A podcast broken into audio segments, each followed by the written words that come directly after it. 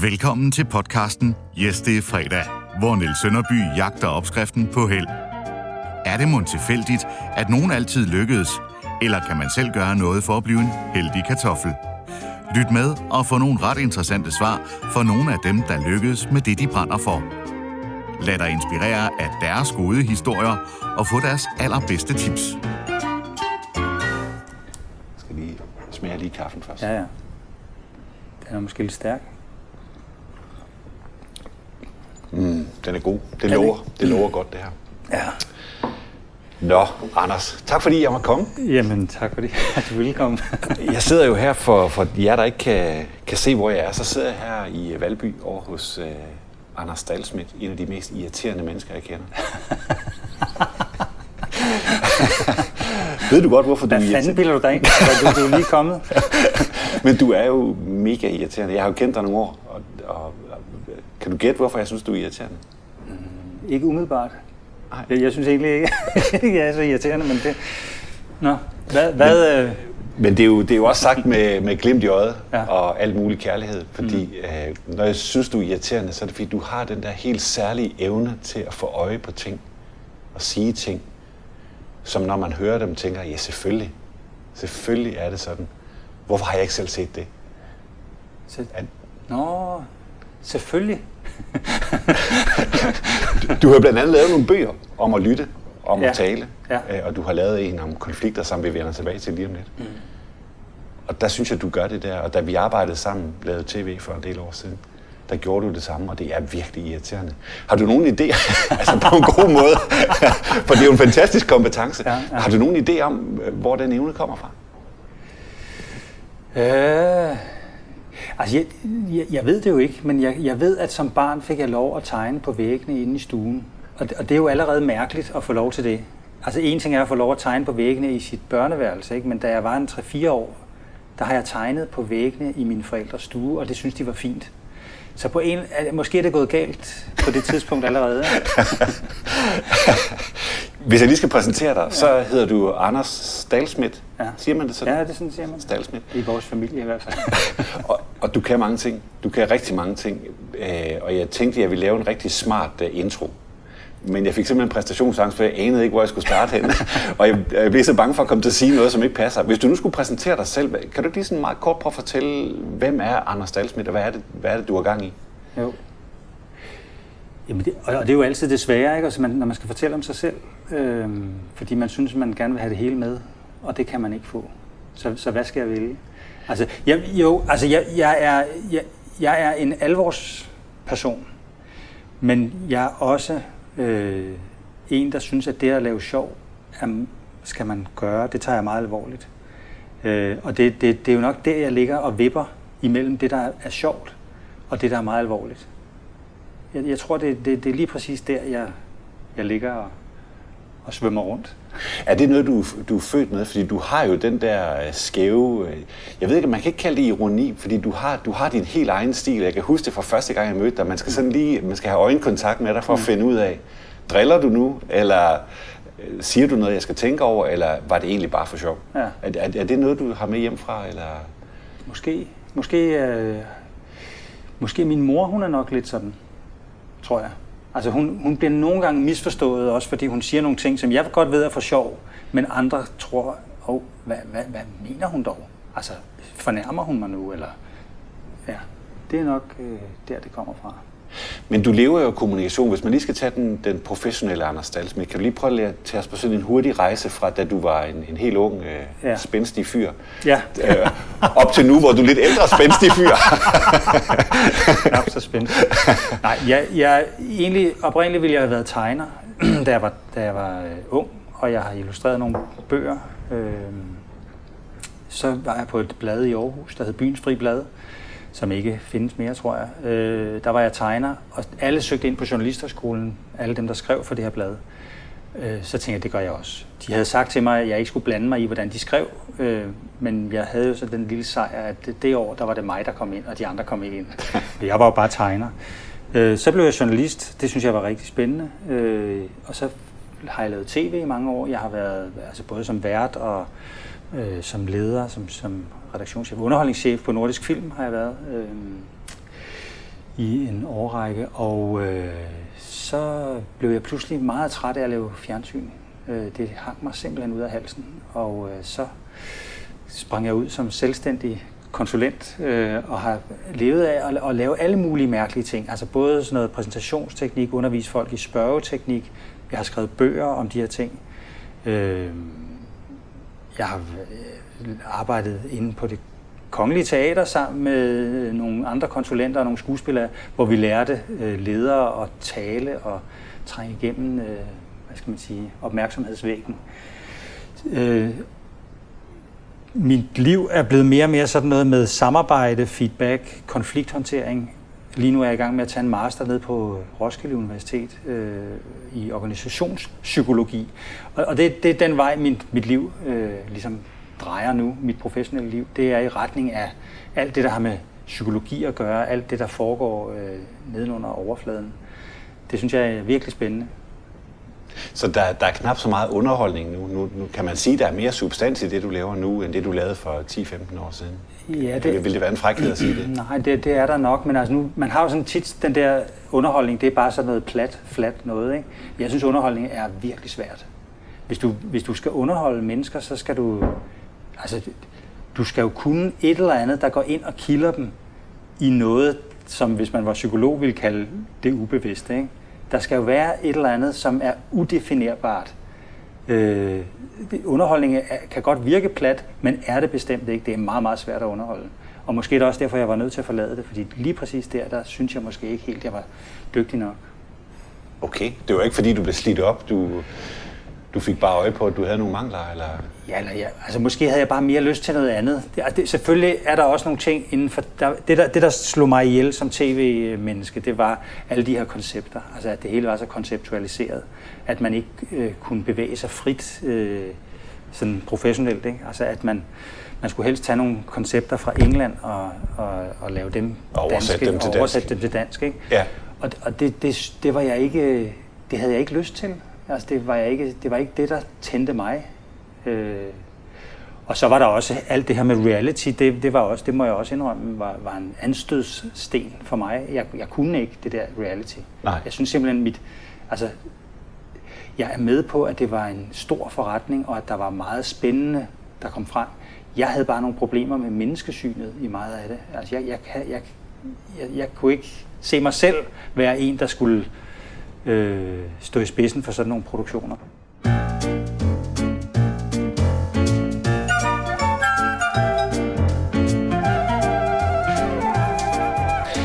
Så det vil sige, der hvor du er i dag, der er det, øh, hvis man så skal tage billedet fra før, hvor, det, hvor du var, hvor du siger, du, du er et alvorsmenneske, men, men du har hele tiden den der glæde og humor med, at der er du gået sådan lidt mere over fra, fra den, den glade, måske lidt let tilgængelig over i den mere, lidt mere tunge og alvorlige del, fordi det er meget alvorligt, det du, altså det har nogle meget alvorlige konsekvenser, det du, du arbejder med i dag, hvis, hvis man ikke mestrer det. Jo, altså konflikthåndtering, det, det, skal, det er jo al, al, alvorligt. Ja. Men det sjove er jo, at humor jo også nogle gange opstår i sådan en mailing eller sådan en konflikt, og, og, og kan virke forløsende. Så, så det kan jo være, altså at man kan se det sjove i det, er jo helt fantastisk. Øh, det, det, er jo, det er jo ligesom der, vi, vi tilgiver hinanden. Ikke? Altså det, det, er jo, det er jo det, humor kan. Det tror jeg faktisk også øh, Freud, han har sagt. Han har skrevet en afhandling om humor. Jeg har ikke læst den, men jeg har bare hørt. Han har skrevet, at, at humor er der, hvor, øh, hvor vi tilgiver os selv, og, og, og vi ligesom... Øh, ja, nu bliver det indviklet, men altså Freud har jo den der model, hvor han har et overjeg og, og, og et jeg og, og et underbevidst, eller et ubevidst, ikke? Øh, et id. Og, og, og og, og overjeget er hele tiden i konflikt med det underbevidste, med vores drifter og alt det der sådan forbudte noget, det, der, det vi bare gerne vil, fordi vi også er dyr. Ikke? Øh, og så jeget, det står der midt imellem og skal prøve at håndtere det der. Ikke? Og, og det er tit meget svært, hvis man har et strengt overjeg, der hele tiden slår en oven i hovedet. Du ved det der med, at vi er vores egen værste dommer. Og humor kan gøre det, at overjeget det ligesom siger, Nå ja, okay, vi, vi er mennesker, vi er kun mennesker. Øh, jeg slapper lige af lidt siger overjeget. Ikke? Det er det, humor kan. Og det, det, det kan jo være, selv i meget alvorlige situationer, er det vigtigt at kunne det. Jeg er jo på jagt efter opskriften på held. Jeg har jo lavet den her lille bog. Øh, Jeg har også lavet en lille bog. Den er ikke helt så god som din, men den er meget god faktisk. Ja. Øh, og nu er jeg så gået på jagt efter, om der findes nogle opskrifter på heldet. Altså, held, det er jo sådan lidt ligesom lykkelig. Man kan godt have glemt af lykke, øh, ligesom man kan have i min verden glemt af held. Øh, det der med at arbejde med, med konflikter eller møde konflikter, det er jo meget tit det, der bremser folk. Mm. At de enten giver op, eller øh, ændrer kurs, i stedet for at fortsætte ud af den rute, de måske havde besluttet. Ja.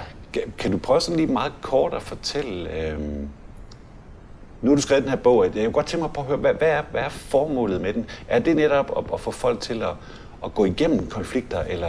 Ja, jo, men altså, så vil jeg, jeg, vil, jeg vil gerne binde en sløjfe for det med heldet. Ja. Men jeg vil først så lige starte, hvor, hvor, hvorfor har jeg skrevet den her bog? Det er, det er fordi, jeg har lavet en hel masse arbejde ude i virksomheder med feedback og med konflikter og samarbejdsproblemer, samarbejde osv. Og, og også haft nogle sådan, hvad skal man sige, en-til-en private klienter, folk, der har haft nogle problemer med, med det med konflikter. Og det, det, der har slået mig, det er, hvor meget af det, der egentlig handler om konfliktskyhed. Altså, at næsten alle de konflikter, jeg har været involveret i professionelt, har handlet om, at nogen ikke har vil tage ansvar for den konflikt, der var. De har prøvet at undgå det, de har prøvet at skubbe den væk. Og det har gjort den værre. Og det er det, der sker, når vi ikke vil. Det er jo ligesom, hvis vi har tandlægeskræk. Ikke? Altså, hvis, hvis vi kan mærke, at der er et eller andet galt, men vi, vi er bange for at gå til tandlæge, og vi udskyder det, og vi skubber det væk. Vi vil ikke have noget med det at gøre. Det forsvinder øh, hullerne jo ikke af. Og smerten bliver kun værre. Og det er fuldstændig det samme, når man er konfliktsky. Så, så sat lidt på spidsen kan man så sige, at du har faktisk skrevet bogen for at få folk til ikke at søge konflikterne, men at, at, at, at, at omfavne dem, eller ja. gå ind i dem. Ja, altså jeg har prøvet at finde ud af, altså hvis nu man siger, jeg tror mange mennesker umiddelbart har den der fornemmelse af, at det modsatte af at være konfliktsky, det må være at være konfliktsøgende. Ja. Men faktisk er det ikke rigtigt. Øh, når man er konfliktsøgende, så øh, er man jo på en måde også meget umoden i forhold til de her konflikter, der er. Det, det modsatte af at være konfliktsky, det er at være konfliktløsende. Altså at man prøver at løse konflikten, eller at man i det mindste tager ansvar for den. Og det er derfor, jeg, jeg et nyt begreb, som, som jeg har fundet på til bogen her, konfliktansvarlig. Så, så i min bog, der er det modsatte at være konfliktsky, det er at være konfliktansvarlig. Og det betyder, at du erkender konflikten, okay, der er en konflikt, og så prøver du at løse den. Du prøver, det er ikke sikkert, det lykkes, men du prøver i hvert fald.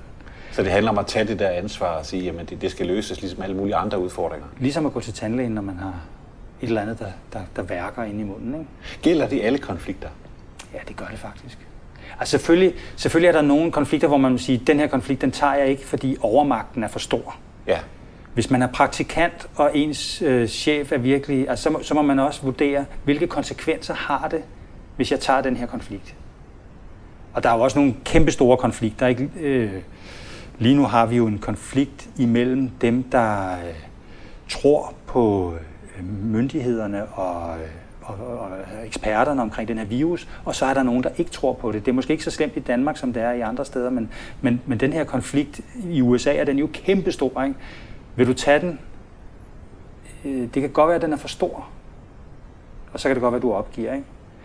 Der er også nogle konflikter, hvor man vil sige, at jeg har en konflikt med en person, som virkelig har optrådt åndssvagt. Men jeg er egentlig ligeglad med den person. Jeg tager ikke konflikten. Så er det bedre at sige pyt og, ja. og komme videre. Ja, men det, det er de tilfælde, hvor man siger, at relationen er ikke vigtig for mig. Men i alle andre situationer, hvor relationen er vigtig, så er det også vigtigt at tage ansvar for konflikten og prøve at se, om man kan løse den. Kan man være i konflikt med sig selv? Og ja. Har du aldrig været det? Jo. Hvorfor fanden spørger du så? Stort set på daglig basis. Men jeg vil egentlig bare gerne høre dig sige, ja. kan, man, kan man kalde det en konflikt, eller er det mere bare tvivl? Nej, man er da hele tiden i konflikt med sig selv. Altså, vi har jo, nu, jeg fortalte før om det der overjeg og, ja. og, og, og det, det er jo en konflikt, der er indbygget i os. Ikke? Ja. Alt det, vi ved, vi skal, og så alt det, vi har lyst til og bare kommer til. Ja. Det er en indre konflikt, som vi er født med, og den lever vi med hele vores liv. Øhm, og dem, der ikke gør det, de har problemer, fordi man kan ikke flygte fra det. Man kan ikke flygte det, fra det. vil altid være det, der. Ikke? Det vil altid være der. Ja. Altså, jeg burde også, det, det er jo den indre konflikt, jeg burde også, den udtrykker jo, at der er noget, jeg burde gøre, som jeg ikke gør. Ikke? Ja.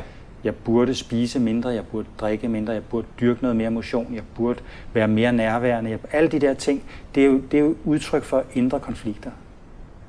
Øh, men så er der selvfølgelig også nogle, der hvad skal man sige, er mere alvorlige. Ikke? Og, det, og det, det er jo dem, der kan give stress og, og depression og altså nedbryde os. Det, det er jo de der konflikter, hvor vi for eksempel øh, har nogle forventninger til os selv om, hvad vi skal med vores liv, og, øh, og hvad der så er realiteterne, og hvad vi kan, og hvad, hvad vi formår. Øhm, og, og så nærmer vi os det der med heldet, som du snakkede om før, ikke? fordi det at være heldig, det er jo en følelse. Det, altså, nogen føler sig jo heldige, fordi de finder 25 øre på vejen, ikke? og synes, de er vældig heldige, hvor andre de vil sige, 25 øre, det er jo en, det var jeg uheldig, at det kun var 25 øre, jeg fandt. Ikke? Så din, dit argument er, at det, det er noget, man selv kan programmere sig selv til? Eller at man selv beslutter, hvordan man vil... Ja, held, det er jo, det er jo, altså det er, det er jo svært objektivt at sige, hvornår er man heldig. Ja. Ikke? Det er det nemlig. jo, men altså, hvis du har vundet, hvis du har vundet i lotto, øh, så kan det jo godt være, at det umiddelbart er enormt heldigt. Men hvis du nu øh, er en, der ikke kan finde ud af at forvalte de penge, det læser man jo om nogle gange, ikke? Hvor, hvor du simpelthen bare siger, en million kroner, ej, så skal jeg bruge dem alle sammen, og pludselig har du brugt to millioner, ja. og så har du en gæld. Det sker jo for nogle mennesker. Så var det heldigt, at de vandt, eller var det ikke heldigt? Det, det er jo svært at afgøre.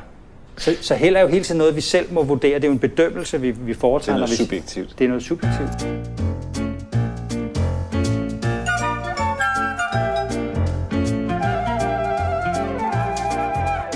Jeg talte med Johan Ørting, som jo er en meget begavet kvinde. Ja. Øh, og hun sagde, hun sagde rigtig mange gode ting. Hun sagde blandt andet, at for hende handlede held om taknemmelighed. Ja. Hvad tænker du om det? Det synes jeg lyder fuldstændig rigtigt. Og det er også det, du siger lidt, at, ja, det er det. at hvis, man, hvis man værdsætter den 25 øre, man har fundet, ja. så er det igen taknemmeligheden for... Ja. ja. Jeg ved ikke, hvad man kan bruge 25 øre til i dag, men altså, det, i princippet er det det, er. Ja. Og det, og det er jo også, hvad skal jeg sige, det her med at tage sine konflikter, og så prøve at finde taknemmeligheden i det, ikke? Altså, øh, hvordan kan man finde taknemmeligheden i en konflikt? Men hvis nu, hvis nu jeg for eksempel havde en konflikt med dig, og jeg har gået længe med det, og været lidt konfliktsky, og så tager mig sammen, og så får det sagt til dig, så opstår der jo en eller anden forløsning og en lettelse, og hvor jeg godt kan få den der fornemmelse af taknemmelighed. Hvor var det, hvor var jeg, hvor var det dejligt, at jeg fik det sagt. Og du måske også tænker, hvor var det godt, du sagde det. Ja. Det kan også godt være, at det udvikler sig, at, det, at vi har noget, men, men hvor var det dejligt alligevel at få det, få det sagt. Øh, så det der pres, jeg går med indvendigt, det ikke er der, men at jeg får det ud. Ikke?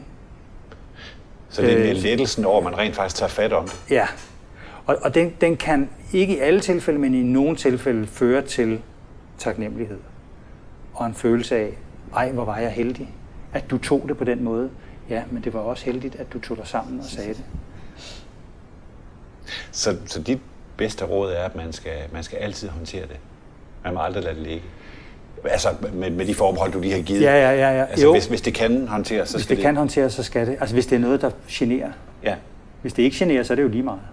Det er, jo, det er jo kun i det tilfælde, hvor du kan mærke det som et pres, eller en smerte, eller noget, der forstyrrer dit fokus. Så skal du håndtere det. Nu må du jo stoppe mig, når jeg, når jeg sidder pumper dig fra indholdet i bogen, for det er faktisk en vanvittig god bog, og jeg kan kun anbefale, hvis ikke du har købt den derude, så, så far ud og køb den. Der er noget med, der er et nyt oplag på vej, ikke? Den, den er lige kommet i tredje oplag. Det er jo det er helt vanvittigt. Ja. en, en kur mod konfliktskyhed hedder den. Ja, ved Anders Stalsmidt.dk. øhm, jamen, jeg kan godt tænke mig lige på at vende tilbage til det der med på, sådan på de indre linjer. Øhm, fordi der er jo rigtig mange, som ikke når det, de gerne vil, øh, og dermed føler sig uheldige. Øh, og der, der prøver jeg jo så, med de evner, jeg nu har, at sige til folk, at det handler jo om, at du selv tager action, og det er jo lidt det samme, du siger her. Ja. Kan, kan du sådan give et par gode råd til, hvis man står over for noget, som man synes er uoverstigeligt, at man enten er blevet nu er vi jo i en lidt sjov situation lige nu med folk, der bliver fyret og ja. ting, der ikke går, som de skal. Hvis man sidder og føler sig ramt og synes, at nu, har, nu vælter uheldet bare ind over en, hvordan, hvordan får man ligesom taget fat i? Fordi det, er jo, det vil jo være konflikter alle sammen, indre ja, konflikter. Ja. Hvordan tager man hul på det? Ja. Det, det svære ved at tage hul på det, det er jo, at det netop virvler rundt i hovedet på en. Ikke? Ja. Det, det hele på en gang. Ikke? Og det, det, der jo tit sker, hvis vi er havnet i et eller andet konfliktfyldt, det er, at der både er noget, vi bebrejder nogle andre mennesker, og også noget, vi bebrejder os selv. Og de der to ting kan godt blive blandet lidt, ikke? fordi hvordan kan vi gå ud og bebrejde andre noget, når vi samtidig bebrejder os selv? Det kan godt være sådan en slags benlås, vi kommer i. Ikke? Så derfor handler det om at få skilt tingene ad. Og ligesom sige, hvad er det, jeg bebrejder andre, og hvad er det, jeg bebrejder mig selv? Skulle jeg have sagt det noget? Jeg skulle også have sagt det noget før. Okay. Den anden kunne godt tage og bam, bam, bam, ikke? Øh, men jeg var måske også lidt for hård der. Mm-hmm. Men, men på den anden side, den reaktion, den var fuldstændig... Jeg synes, jeg føler mig krænket af det der, det der, ikke? Ja. Så man ligesom får skilt de der to ting ad. Og så, altså i det hele taget, prøve at blive klar i hovedet. Og en af det, de ting, jeg plejer at sige også, det er at, ligesom at sige, hvad er det, du kan mærke i den her konflikt? Altså, og hvor sidder det henne i din krop? Jamen, jeg kan mærke, når jeg tænker på det her, så snører min hals sig sammen, for eksempel. Ikke? Men bare det at blive klar over, okay, det sidder i halsen, eller det sidder i maven, eller jeg kan mærke det i armene, der snorer, eller hvad, hvor det nu er, det sidder. Hvad, hvad, kan det gøre? Jamen, det, det gør jo, at du begynder, du begynder at skille øh, de ting, der er i den her konflikt ad. Ikke? For eksempel følelsen. Følelsen, som konflikten giver dig, den bliver skilt ud og bliver placeret et sted. Nå, så er den der. Okay, det, det er meget konkret. Jeg, jeg kan mærke det i halsen, eller i brystet, eller i maven, når, når den her konflikt nærmer sig. Så, så det vil sige, allerede her kan jeg sige, det her gør mig vred, det her giver mig en knude i maven. Og, og det næste, det er jo så at finde ud af, hvad har du så brug for? Og det kan jo godt være lidt svært, ikke? men hvad er det egentlig, jeg har brug for? Øh, og, og, og det er selvfølgelig vigtigere end det der, jeg snakkede om før med at bebrejde andre. Det er jo, det er jo sådan nogle umiddelbare følelser, vi, vi kan mærke. Ikke? Jeg bebrejder den anden noget. Okay, hvad er det, du har brug for? Jamen, jeg har brug for en undskyldning, måske. Jeg har brug for respekt, eller hvad det nu kan være. Fint. Det er jo virkelig vigtigt at finde frem til, hvad det er, man har behov for, fordi så kan man bede om det, uden at eskalere konflikten nødvendigvis. Altså, jeg, jeg, jeg kunne godt tænke mig en undskyldning. Så kan det godt være, du siger, det, vil, det synes jeg ikke, jeg vil give dig. Nej, okay. Det, det kan jeg bare mærke, det er det, jeg har brug for. Altså, det, så det handler simpelthen om at blive meget specifik og præcis, så man selv ved, hvad det er, man vil, og så rent faktisk bede om det lige så præcist og specifikt, ja. så man ikke får det pakket ind i alt muligt andet. Ja. ja. Altså jo, jo sværere sådan en situation er, jo vigtigere er det faktisk at kunne sige tingene meget kort ja. og præcist. Fordi hver eneste gang, vi prøver ligesom at, at pakke det ind, så kommer vi i virkeligheden til at gøre det hele værre. Ikke? Fordi ja. så, så, så vikler vi ting ind i det her, som det slet ikke handler om, og så pludselig så laver vi fortolkninger og alt muligt, som, som den anden kan misforstå. Så det handler om at være så præcis, at, at man ikke pakker det ind i humor, og folk tror, at man bare mente det for sjov, eller at det var ironi, eller at, at man, skal, man skal turde være alvorlig og præcis, både ja. med sig selv og med den, man... Ja, ja. Og, og, og i virkeligheden kan man sige, helt ned i, i det sproglige, ikke? Jeg, jeg, der er nogle arbejdspladser, jeg har været på, hvor, hvor, man, hvor man har det, jeg kalder sådan et, et subtilt sprog. Altså hvor man, når man skal sige noget kritisk til nogen, så, så pakker man det ind i ord som måske lidt på en måde. Ikke? Jeg, jeg er måske på en måde lidt utilfreds. altså, agtigt. og, og, og det er jo, i stedet for bare at sige, jeg er ikke tilfreds. Bum. det, det, er svært at, det, det er svært at misforstå. Ikke? Det er svært at misforstå, men det andet, det er jo sådan set bare en måde at sige, jeg er ikke tilfreds, men jeg vil ikke helt være ved det. Jeg kunne egentlig godt tænke mig, at du selv opdagede det, så jeg slipper for at tage ansvar for det. Og for jeg vil gerne være sød, og, og ikke være en, der, der kommer med, med grimme budskaber. Ikke? Det, så det, det, det, det, er jo virkelig en... Hvorfor er det sådan? Fordi det, det kan jeg jo godt genkende lidt fra mig selv, at, at man vil lidt. gerne... Ja. Øh, en lille smule måske. jeg kan genkende det hos mig selv. Sådan. Øh, Hvorfor er det sådan? Er det en del af vores kultur, eller er det, øh, er det fordi, vi bare aldrig har trænet det? Eller? Ja, det, det, det er jo begge dele. Det er en del af vores kultur, og vi har aldrig trænet det. Øhm. Fordi vi får jo ry for, nu, nu kommer jeg jo rigtig mange virksomheder, også eksportvirksomheder, og der er der jo mange øh, nye sælgere, der opdager, når man kommer ud i verden på andre markeder, at så bliver vi betragtet enten som sådan nogle lidt nogle sydlandske banditter, fordi vi er nogle krejlere, ja, ja, ja. eller også at vi er meget direkte. Altså hvor man i ja. Japan skal ud og spise en 15-18 gange og synge karaoke, ja. så er vi mere sådan, nu er vi fløjet til Tokyo, lad os nu få skrevet den kontrakt og komme hjem igen. Ja. Så, så vi kan det jo godt. Men hvorfor gør vi det så ikke, når vi er sammen øh, som mennesker? Ja. Der fik jeg dig. Ja, der fik du mig. Nej, men jeg, jeg kan huske, jeg var, jeg var engang oppe på, på Færøerne for at lave et kursus i feedback. og der, der, stod, der var sådan 120 mennesker i den her virksomhed, og så spurgte jeg dem, hvad kunne være, hvad kunne være en årsag til at tilbageholde kritik eller feedback? Og så blev der helt stille. Og jeg, jeg kan godt pauser, ikke? Altså jeg, jeg synes selv, jeg, sådan, øver mig i hvert fald i det, det der med stillheden, og det, det presser en. Og i stedet for selv at svare, så lader jeg pausen vare, indtil der kommer en. Men den var altså lang tid. Det. det, de er rigtig gode til pauser. Lange pauser. På, på færøerne. Det, det må jeg, jeg har den største respekt. Øhm, så endelig var der en, der sagde, det er nok vores kultur. Vi er et lille samfund. Vi passer på hinanden.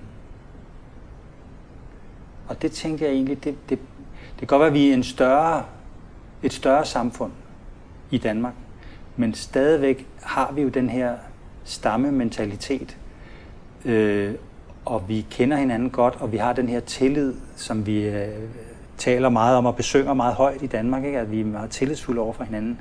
Men en bagside af det er måske også, at vi passer på hinanden. Ikke? Altså, det er en måde, at vi passer på øh, den her tillid og de, de her relationer, som er tættere end de måske er i, i, i andre kulturer. Jeg, Fordi vi hele tiden løber på hinanden i ja. alle sammenhænge, og alle kender alle. Jeg, jeg ved det ikke. Det, her, det, det, det, det er et bud på en forklaring. Det er ikke, det er ikke sådan videnskab. Men det er jo egentlig lidt tankevækkende, når, når det du siger, og det, det giver dig fuldstændig ret i, at det, det er befriende rart, når folk er meget klare i deres kommunikation. Ja. Det er faktisk meget nemmere at håndtere, og, og jeg har altid haft det virkelig godt med folk, som, hvor man med det samme kan mærke, om de er tilfredse eller utilfredse. Og, ja. og de siger, når de er glade, og de siger, når de er sure. De, det er aldrig det der enten dobbeltspil eller dobbelt-dobbeltspil. Det, det, det er lige ud af posen. Ja. Og tror du ikke, de fleste mennesker har det på den måde i virkeligheden? Jo. Jo, og det er jo så det. er det jo tankevækkende, at vi så alligevel går rundt og, og, og smører alle de der lag på. Ja, altså der, der er jo sket et eller andet. Ikke? En lang historie, øh, kort. Øh, på et tidspunkt kom der jo alt det her med anerkendelse. Vi skulle være anerkendende. Ikke? Og jeg, jeg, jeg, jeg, jeg spekulerer på, om det har været med til at forurene vores kommunikation. Fordi det hele skulle være positivt og anerkendende, og man ikke måtte sige noget negativt. Øh, så skulle man sige det negative på en positiv måde. Ikke? Ja. Øh, og, og, og at det ligesom har, har, i hvert fald på mange arbejdspladser, har infiltreret vores sprog og gjort det svært. For eksempel også at være leder. Altså at man, vi, vi har også problemer med begrebet magt. Ikke? Ja. Øh, en leder, hvis du siger til en leder, du har jo meget magt, for du er leder, så siger lederen, ah, magt, det synes jeg ikke rigtigt. Jeg, jeg, jeg, du kan kalde det indflydelse, eller jeg, jeg, men det er jo... ikke? Altså, vi vil ikke være ved det, Nej. at der er, nogen, der er nogen, der har magt. Øh, hvis ikke der var det, så var vi jo magtesløse. Ikke? Øh, så, så magten er der jo lidt ligesom tyngdekraften i et rum. Ikke? Øh, så, så der er ligesom nogle væsentlige ting, som for eksempel magt, som vi ikke tør tale om.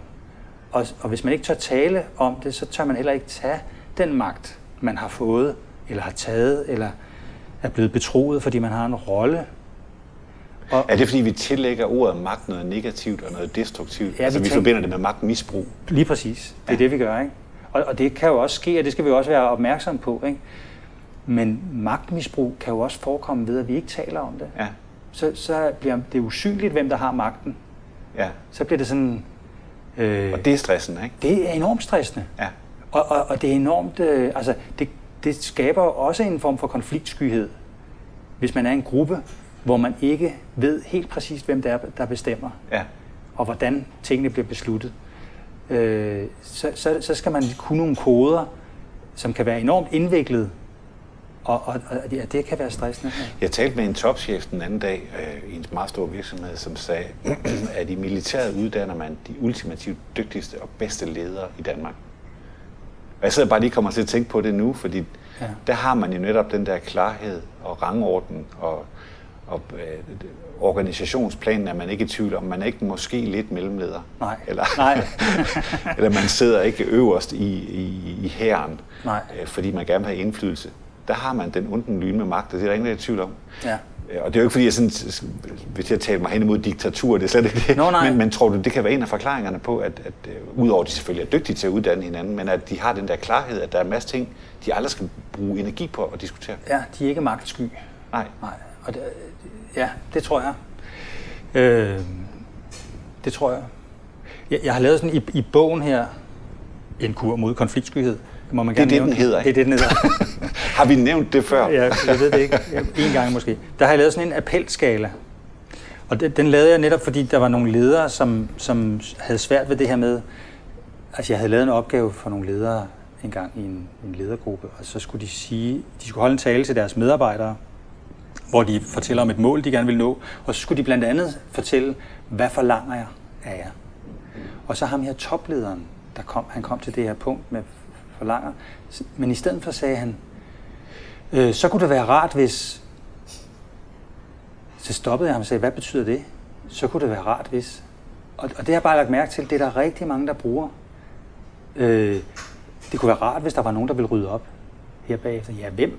Ja. Og, og, og skal vi gøre det? Eller, altså, hvor, hvor ligger det henne på den her appelskala, som jeg så har lavet? Ikke? Altså, hvor man i den, i den ene ende, hvor der er et meget lavt magttryk, har et input. Det kunne da være meget sjovt, hvis der var nogen, der ville rydde op. Det var bare et input. Altså, ikke? ja, det er bare en Øh, tanke. øh, til, øh, hen i, i retning af et ønske, ikke? hvor jeg siger, jeg kunne godt tænke mig, at der var nogen, der ville rydde op. Eller jeg kunne godt tænke mig, Niels, hvis du ville rydde op. Ja. Til helt over i den anden ende, til et krav. Niels, du skal rydde op Nu. nu. Ja. Eller i hvert fald bagefter. Ikke? Og hvis du ikke rydder op, altså, så får det en eller anden konsekvens. Ja. Så, så hvor er vi henne på den der skala? Ikke? Det er jo ikke, det er jo ikke, altså der er også nogle ledere, har jeg også oplevet, de udtrykker alt som krav. Du skal gøre sådan og sådan, ikke? Så viser det sig, det, hvis man ikke gør det, det skulle man heller ikke. Man slap for konsekvensen, ikke? Nå.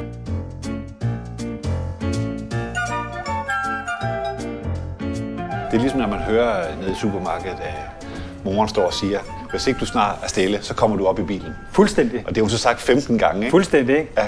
Og, og, det, og jamen, det, er jo, det er jo, forældre, det er jo virkelig det, ikke? hvor man siger, tror du ikke, du skal i seng nu? Det lyder bare som et forslag, ikke? Eller et input. Det kan jeg godt give svaret på. ja, ja, ja. Nej.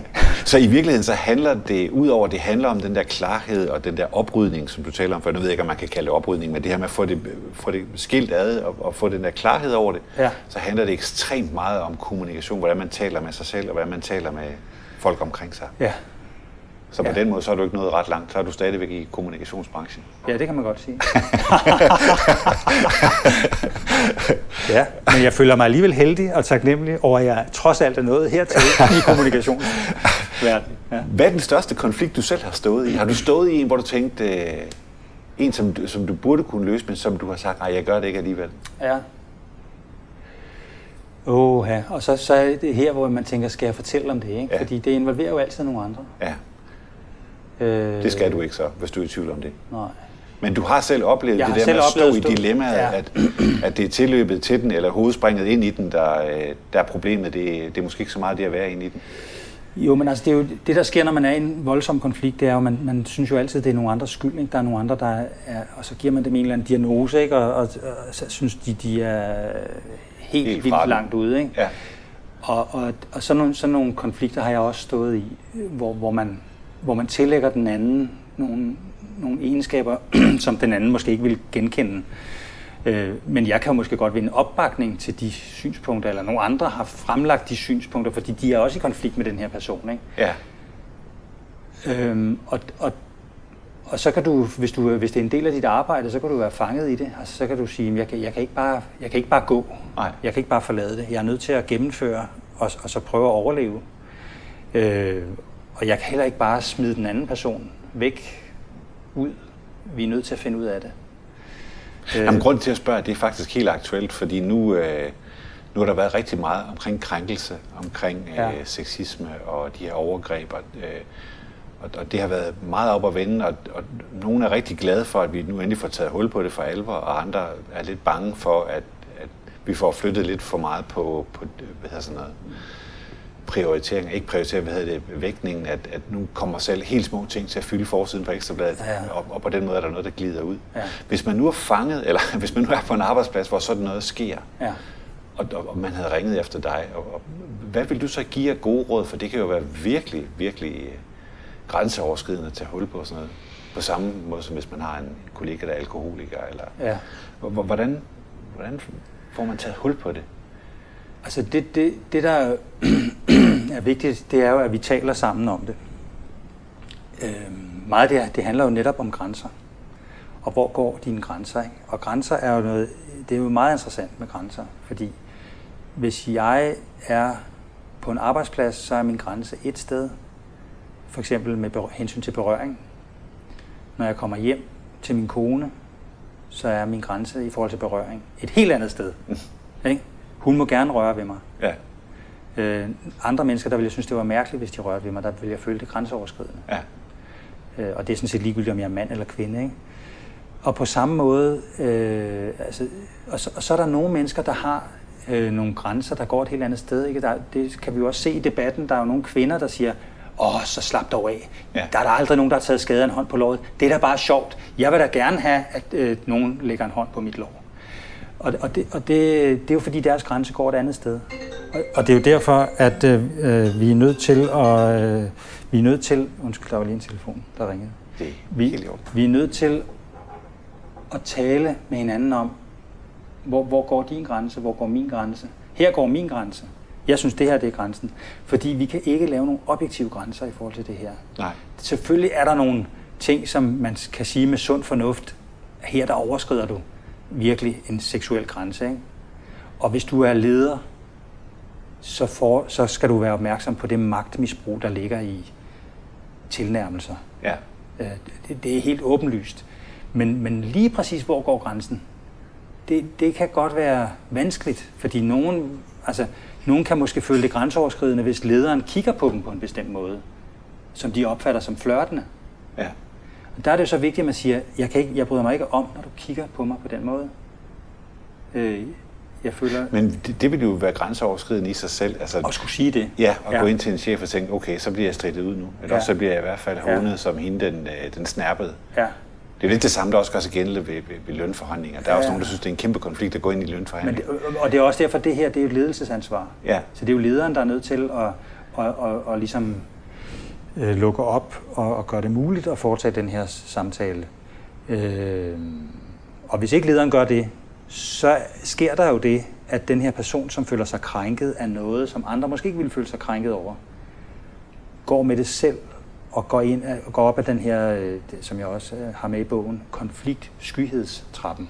Ja. Altså hvor man optrapper konflikten inde i sig selv. Hvor det kommer til at fylde mere og mere. Det kommer til at fylde mere og mere. Man laver indre billeder, man, ja. Og måske bliver presset så stort, at man er nødt til også at, at delagtiggøre nogle andre i det. Ikke? Så, så bliver det sådan en omtale. Altså jeg ved ikke, hvordan du har det med vores leder, men altså han kigger på mig på den der flørt. Det kan jeg godt genkende. Pludselig finder man en allieret, og så optrapper ja. man det øh, med omtaler, ikke? Ja. Øh, bagtagelser. Og, og, og det, er jo, det er jo enormt giftigt. Hvad skal man gøre ved det? Det er et dilemma. Det er jo et dilemma. Øh, men, men løsningen er under alle omstændigheder at snakke om det. Hvordan kommer man så til det, hvis chefen ikke vil snakke om det? Ja, det er svært. Så må man involvere tillidspersonen. Men, men, men jo mere vi kan have en samtale om det, og det ikke bliver en, en sådan meget voldsom konfrontation, hvor vi tiltaler hinanden, Altså, det, så vi skal tale med hinanden, vi skal ikke tale til med hinanden. hinanden, ikke til hinanden, ikke, ja. om det her. Det, det, er, det er løsningen. Det er der, løsningen ligger. Hvordan kommer vi derhen? Det kan være virkelig svært. Ja. Men uanset hvad, så vil du til enhver tid sige, at der er ingen vej udenom. Vi er nødt til at, at tale om det. Ja, fordi ellers så bliver det sådan noget, der skal afgøres i retten. Ja. Øh, det kan vi selvfølgelig også, men det er jo ikke sådan, vi har et godt samarbejde. Det er jo ikke, det er jo ikke tillidsvækkende. Det er, jo, det er jo det modsatte. Hvem har ret?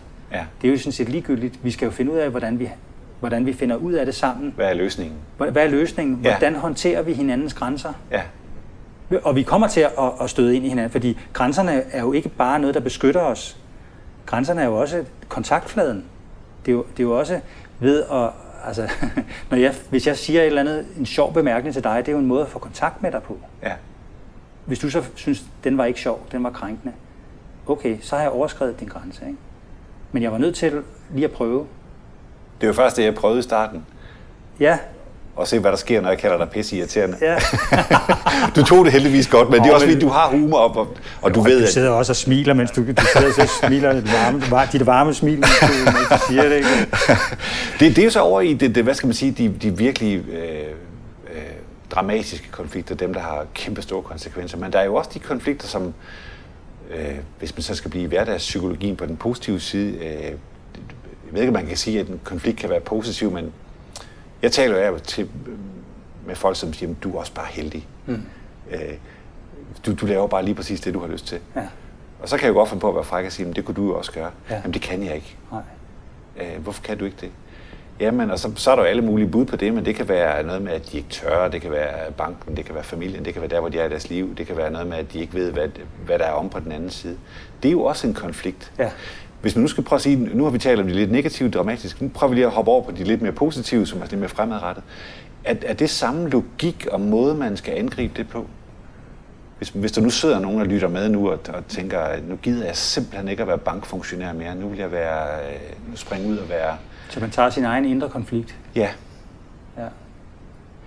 Jo, fordi det handler jo også om afklaring og, og ja.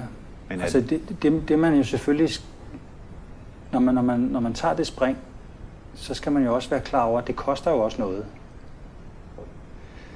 Øh, og det er jo nok også derfor, de ikke tager springet. Ikke? ja, Og det er jo måske også det, du kunne have svaret de personer, der siger, hvor er du heldig? Der kunne du have svaret, ja, ja, men er du klar over, hvad det koster? Altså, hvad betaler jeg for at kunne lave lige præcis det, jeg har lyst til? ja, Jeg betaler noget.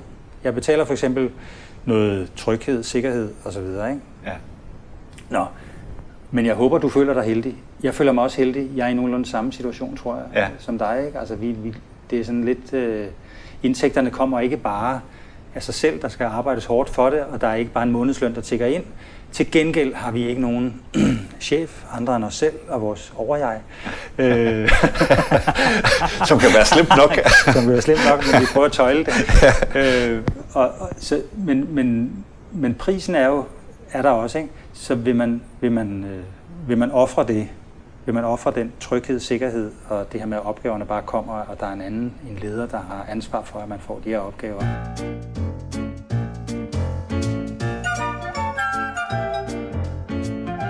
Men hvis man har gået rundt i den konflikt, for det, det, det synes jeg ofte, eller ikke ofte, men jeg støder på det indimellem, at folk, der, der kommer og siger, nu har jeg gået og overvejet det her i de sidste 3-4 år, jeg er simpelthen bare så træt af mit arbejde, jeg, jeg vil gerne prøve noget helt andet. Ja. når jeg så siger, hvorfor gør du det ikke? Ja.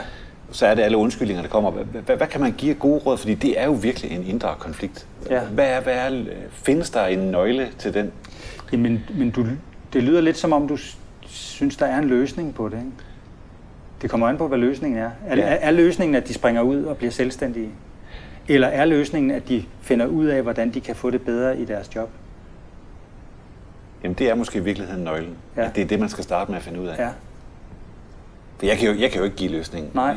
Jeg har bare tænkt over det flere gange, at øh, det ville være så skønt, hvis man kunne ligesom give nogle... Du ved, ligesom hvis man skal tabe sig, så kan man sige, jamen, øh, så nøjes med en portion. Ja. Øh, prøv at holde dig lidt væk fra, øh, fra de her ting. Men igen kan man også sige, skal, skal du tabe dig, eller skal du bare finde ud af at være tilfreds med den vægt, du har? Ja. Var det personligt, Anders? Nej, overhovedet ikke. Jeg synes bare, du så kiggede op og ned af mig. Men det, det, er jo, det, er jo, det er jo et, et, et, et almindeligt gyldigt øh, dilemma eller problem. Ja. Og, og vi lever måske også lidt i en tid, hvor, man, hvor der er nogle ting, der ligesom bliver anset for at være mere rigtige end noget andet. Ikke? Ja. Men vi har jo hele tiden det her valg. Vil, vil jeg tabe mig? Vil jeg ofre det, der skal til for at tabe mig? Eller vil jeg hellere prøve at være tilfreds med sådan, som jeg er? Vil jeg have et andet job, som virker meget mere attraktivt og spændende, hvor der ikke er en irriterende chef? Med den risiko, der følger med. Med den risiko, der følger med? Eller vil jeg hellere prøve at få et bedre, en be- bedre relation til min chef, og måske få nogle mere spændende opgaver? Og hvis det nu er det sidste, det har jeg også eksempler på i bogen. En kur mod konfliktskyld. Hvad hedder den egentlig? ja, den bog? hedder en, en kur mod konfliktskyld. og den er faktisk rigtig god. Den er faktisk rigtig god. Ja. Og man kan købe den. Nej, hvis, øh, et eksempel på en, der, der havde den her med, at jeg tør ikke sige til min chef, at jeg, jeg gerne vil lave nogle mere spændende opgaver. Og det, det var en, jeg havde. Jeg havde sådan nogle, nogle grupper med konfliktsky mennesker, øh, hvor vi sad i, i rundkreds og snakkede om konfliktskyhed og hvad, hvad man kunne gøre ved det. Og så gennemgik vi hendes øh, situation og fandt ud af, hvordan kunne hun sige det her til sin chef, at hun gerne ville have nogle mere spændende opgaver. Og så sagde hun det. Og nu har hun fået nogle mere spændende opgaver. Og hun har fået en meget bedre relation til sin chef. Ja. Øh, så det var, det var total win-win på alle hylder. Han har fået en gladere medarbejder. Ikke? Så, så tit, og han er jo også nødt til at vide det, for han kan give hende dem. Ja.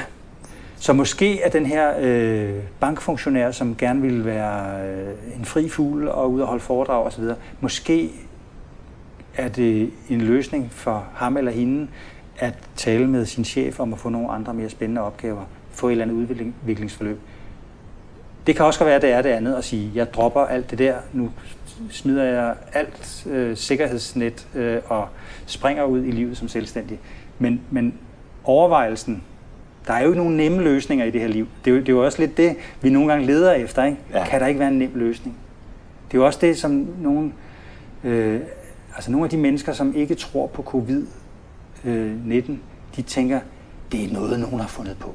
Ja. Jamen det ville da også være dejligt nemt, hvis det bare var noget, nogen havde fundet på. Ja øh, nogle magtfulde mænd, der havde lavet en konspiration, og det slet ikke findes, og vi ikke behøver at spritte hænder og holde afstand og gå med masker, og vi bare kan tage til julefrokost og alt det der. Ikke? Det ville da være dejligt nemt, men sådan er verden jo ikke altid. Nej. Den, er jo, den kræver jo noget af os. Så verden er ikke nem? Verden er ikke nem. Må jeg citere dig for det? Det må du må jeg kan bekræfte det. må, må ikke der er nogen, der har sagt det for mig. Jeg kunne godt tænke mig lige her til sidst, fordi jeg føler mig faktisk både inspireret og, og også lidt klogere, end da jeg stod op i morges. Øhm, det er jo ikke nogen hemmelighed, at, øh, at det her virus det er over os, og ja. verden har ændret sig. Og verden har også ændret sig for dit vedkommende. Du, har, øh, du skriver bøger, du, øh, du har ligefrem taget initiativ til at holde VM i foredrag, er det ikke rigtigt? Jo. Er det ikke dig, der er bagmanden på det? Jo, det er det sammen med den lokale præst. Ja. ja. øhm, og du, du må have du må også være løbet ind i en masse begrænsninger nu, fordi verden bare ikke, som den ser ud lige nu, er designet til din type virksomhed. Ja. Simpelthen på grund af forsamlingstilbud. Ja. Eller øh, hvad forbud. Det? Forbud, ja. ja. Det er jo en konflikt. Det, er det ikke det? Jo, det, det, det er det, man kalder en strukturel konflikt. Altså det vil sige, det er en konflikt, som jeg ikke selv har bedt om. Ja. Øh, og som jeg ikke selv er skyld i, men som ligesom ligger nedenover os alle sammen, og som jeg bliver en del af. Hvordan håndterer Anders Stalsmidt det? Ja. Jeg ligger på sofaen og græder. I fosterstilling? det tror jeg simpelthen ikke på. Nej, det er heller ikke rigtigt. Har, ja. kan, kan, du godt have, kan du godt opretholde den der nøgterne, sådan, hvad skal man sige, faktuelle tilgang til det, eller bliver du også Nej, ramt af... Lige i, starten, lige i starten blev jeg også ramt. Lige da det skete, der gik jeg fu- fuldstændig i panik. Ja. Og, og sagde, vi, vi må sælge bilen og huset, og vi, vi må... Hvad, hvad gør vi? Vi, vi skærer alle udgifter ned, og, og øh, leg huset ud, eller ja. et eller andet. Ikke? Stor panik. Den næste fase, jeg kom igennem, det var sådan en, en, en enormt aktiv fase, hvor jeg begyndte at producere alt muligt. Jeg begyndte at lave sådan online-kurser og altså alt, og jeg begyndte også at skrive den der bog, ja. færdig, som, jeg, som har ligget længe, og jeg, jeg kastede mig over den og skrev den færdig. Så det var jo godt for noget, men det var jo også en form for panik, den her sådan overproduktion, ja. der pludselig ramte mig. Øh, fordi jeg ikke kom ud og holdt foredrag, kurser, alt det jeg plejer. Øh, og øh, ja, så kom de her hjælpepakker, der, det blev jeg, der blev jeg enormt taknemmelig. Jeg, det, det, jeg stod simpelthen foran fjernsynet, da hele, for alle folketingspartier, de stod der og fremlagde hjælpepakker, der stod jeg simpelthen og græd af glæde og taknemmelighed, og taknemmelighed ja. over, at jeg levede i et land, hvor her blev vi hjulpet og, og så videre. Ikke? Ja. Øh, ja, så senere så bliver man frustreret igen. Ikke? Ja. Men, men det var den følelse, jeg havde der, og, og også sådan ligesom en følelse af, at det var okay, jeg bare var kreativ nu, og bare prøvede at finde på nogle nye ting. Øhm, så der er nogle faser? Der er nogle faser. Ja. Og så, så, så kommer man sådan ind i sådan en lidt mere deprimerende fase, hvor det hele er ikke forløst. Det er ikke, det er ikke helt slemt, det er heller ikke forløst. Nej. Det er ikke væk, vi har lært at leve med det. Der kommer nogle jobs. Der kommer ikke mange jobs. Jeg kan ikke rigtig gå ud og trykke den af og, og, og tale så højt, som, spytdråberne flyver rundt i lokalet. Vel? Jeg er nødt til at have maske på eller tale dæmpet. Lyder ellers som et fedt koncept. Ja, men det var, det var så fedt at spytte folk i hovedet. Nej. det er jo pludselig sådan nogle ting, man er opmærksom på. Ikke? Ja. Er, er, jeg egentlig, er, er det egentlig sådan, jeg... Øh, det tror jeg nu ikke specielt, men altså, der, der virvler jo ting rundt i luften, når man er... Forhåbentlig. Når man bliver... Ja. Øh, det der med at, at, at også at kunne gå ned til folk og røre ved folk og sætte folk i en rundkreds og bede dem om at altså, for, lave, skabe den der stemning. Alt det er væk. Ja. Men det hele er ikke lukket ned. Der er nogle få jobs rundt omkring, og noget er online, og det har også, jeg ved ikke om det har sin charme, men der er nogle muligheder i det også. Ikke? Ja. Så du tror stadigvæk på det? Jeg overlever, jeg er her endnu. Det kører, jeg har ikke, jeg har ikke solgt huset, jeg har ikke, jeg, jeg, jeg klarer mig. Ja. Ikke? Jeg klarer mig. Og, og for det er jeg taknemmelig. Jeg synes, jeg har været heldig Ja. på det, på det plan. Og, og, og her er heldet jo noget mærkeligt noget, ikke? fordi jeg tjener jo slet ikke lige så mange penge, som jeg gjorde sidste år og forrige år. Nej. Men jeg føler mig enormt heldig, fordi at jeg har klaret det. Det kalder jeg den perfekte afslutning. Man kan godt mærke, at du har det sorte bælte i, uh, i kommunikation. Det var præcis den afslutning, jeg gerne selv ville have lavet, men som jeg ikke er dygtig nok til. Hold op, Niels. Tusind, tusind tak, fordi du ville tale med mig, Anders. Tak fordi du ville tale med mig. Og til alle jer, der sidder derude, som ikke har fået købt bogen endnu, kom nu afsted. Jeg kan love jer for, at den er god, og, øh, og alle pengene værd mindst. En kur mod konfliktskyhed. Anders Stalsmidt. tak for nu. Det var Yes, det er fredag for denne gang. Jagten på hemmelighederne fortsætter, og vi håber, du vil lytte med. Og kan du slet ikke få nok, så køb bogen eller book foredraget, der hedder præcis det samme. Yes, det er fredag. Vi høres ved.